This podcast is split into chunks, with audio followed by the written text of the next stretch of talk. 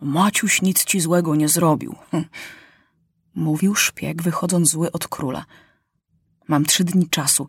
Trzeba zrobić coś takiego, żebyś się rozgniewał na Maciusia, wtedy inaczej pogadasz. A szpieg miał w kieszeni papier z podpisem Felka i sfałszowanym podpisem Maciusia. A ten papier to był niby manifest do dzieci całego świata. Dzieci, pisało tam w tej odezwie, ja, Maciuś pierwszy, zwracam się do was, abyście mi pomogły przeprowadzić moje reformy. Chcę zrobić tak, żeby dzieci nie potrzebowały się słuchać dorosłych. Chcę, żeby dzieci mogły robić, co im się podoba. Ciągle tylko słyszymy, że nie wolno albo nieładnie, albo niegrzecznie. To jest niesprawiedliwe. Dlaczego dorosłym wszystko wolno, a nam nic? Ciągle się na nas gniewają i krzyczą i złoszczą się. Nawet biją. Chcę, żeby dzieci miały takie same prawa jak dorośli. Jestem królem i znam historię dobrze. Dawniej nie mieli praw ani chłopi, ani robotnicy, ani kobiety, ani murzyni. A teraz wszyscy mają prawa, tylko dzieci nie. W moim państwie już dzieciom dałem prawa. Już w kraju królowej Campanelli dzieci się zbuntowały. Urządźcie rewolucję i żądajcie praw. A jak wasi królowie się nie zgodzą, to zrzućcie tych królów i wybierzcie mnie. Chcę być królem wszystkich dzieci na świecie, białych, żółtych i czarnych. Dam wam wolność. Więc pomóżcie mi i urządźcie rewolucję na całym świecie. Podpisali król Maciuś, minister baron von Rauch. Dziennikarz poszedł do drukarni i kazał wydrukować dużo tych odzew i rozrzucił je po całym mieście. A parę kartek umazał w błocie, potem wysuszył, zgniótł i schował do kieszeni. Akurat dwaj królowie się naradzali, co robić i już chcieli pomóc Maciusiowi, a tu wchodzi dziennikarz i mówi. "Mm, Patrzcie, co wyrabia Maciuś. On buntuje dzieci. Chce zostać królem całego świata. Oto znalazłem na ulicy takie trzy kartki. Przepraszam, że są trochę zapaćkane. Królowie przeczytali i bardzo się zmartwili. Nie ma rady. Musimy wystąpić przeciw Maciusiowi. On się wtrąca do naszych dzieci, które wcale do niego nie należą, i żółte dzieci też do niego nie należą. To jest bardzo brzydko. Smutny król łzy miał w oczach. Co ten Maciuś narobił? Co ten Maciuś narobił? Po co on tak napisał? Ale nie było rady. Może lepiej będzie nawet dla Maciusia, że i ja wypowiem mu wojnę. I tak by go zwyciężyli sami i wtedy nie mieliby już żadnej litości, a tak mogę się na coś przydać Maciusiowi.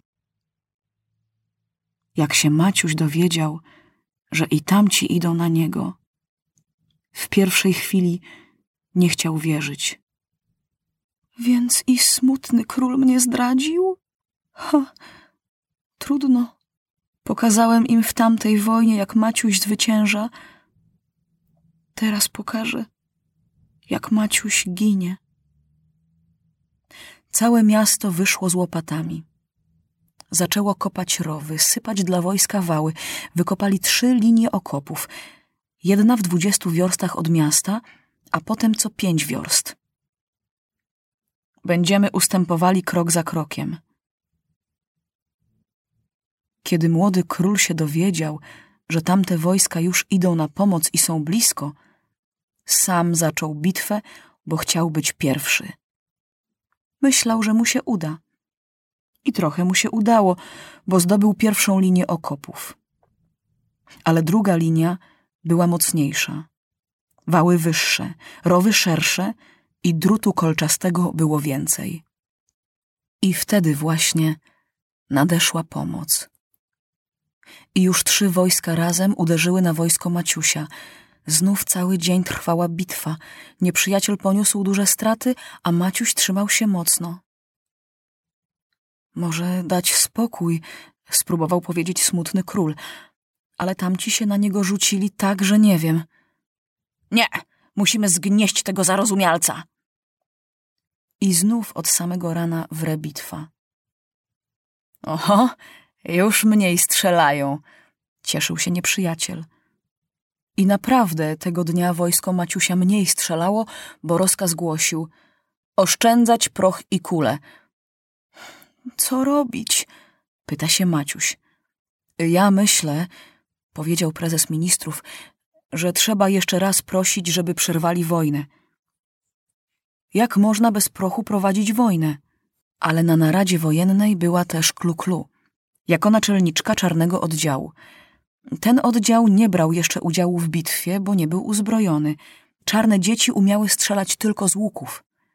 Więc naprzód nie mogły znaleźć drzewa odpowiedniego na łuki i strzały, a jak już znalazły, musiały wszystko robić dopiero. I teraz właśnie były gotowe. Słuchajcie, mówi Kluklu, ja radzę cofnąć się w nocy na trzecią linię obrony. Dziś w nocy pójdzie ktoś do obozu nieprzyjaciela i powie, że Bum Drum przysłał czarne wojska z dzikimi zwierzętami. Jutro rano wypuścimy z klatek lwy i tygrysy i zaczniemy strzelać, a jak ich dobrze nastraszymy, wtedy dopiero zapytamy się ich, czy chcą się pogodzić, czy nie. A czy to nie będzie oszustwo? Zapytał się niespokojnie Maciuś. Nie, to się nazywa fortel wojenny, powiedział minister sprawiedliwości. Więc dobrze, zgodzili się wszyscy. A Felek przebrał się za nieprzyjacielskiego żołnierza i na brzuchu pełzając wślizgnął się do nieprzyjacielskiego obozu i niby nic temu i owemu zaczął opowiadać o lwach i murzynach. Ale ci tak się z niego śmieją i nie wierzą. E, głupi, śniło ci się pewnie. I jedni drugim opowiadają to głupstwo. Ale Felek idzie, a tu go zaczepiają żołnierze. Hej, kamrat, a słyszałeś już nowinę?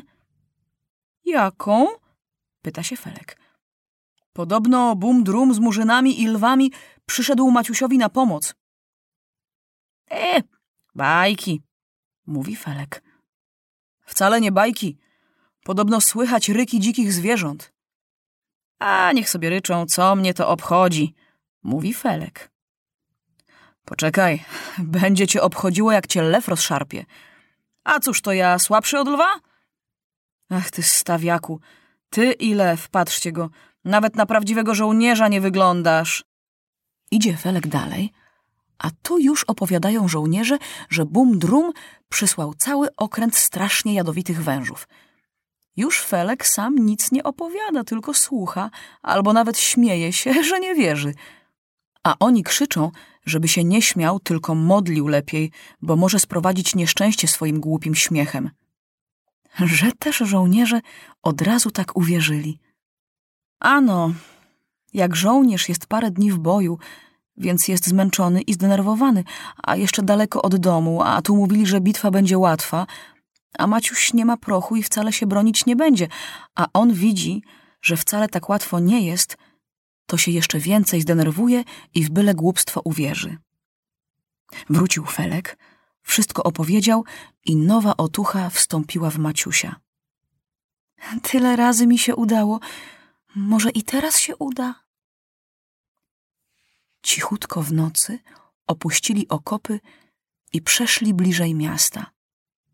Przynieśli żołnierze klatki z lwami i tygrysami, przy których stanęła połowa murzynów, a druga połowa rozeszła się po wszystkich oddziałach dziesiątkami, żeby ich nieprzyjaciel wszędzie mógł widzieć. Więc tak będzie. Oni zaczną strzelać do pustych okopów i zobaczą, że nikt nie odpowiada, więc pójdą do ataku – Zobaczą, że nikogo nie ma, to się ucieszą i zaczną krzyczeć na wiwat i cieszyć się, że już widzą stolicę i będą mogli wejść do miasta, rabować, jeść, pić i bawić się. A tu nagle murzyni uderzą w bębny, zaczną strasznie krzyczeć, wypuszczą dzikie zwierzęta i strzałami popędzą je na nieprzyjaciela. Tam zacznie się popłoch, nieład i zamieszanie, a wtedy Maciuś na czele konnicy ruszy na nich, a za nim piechota.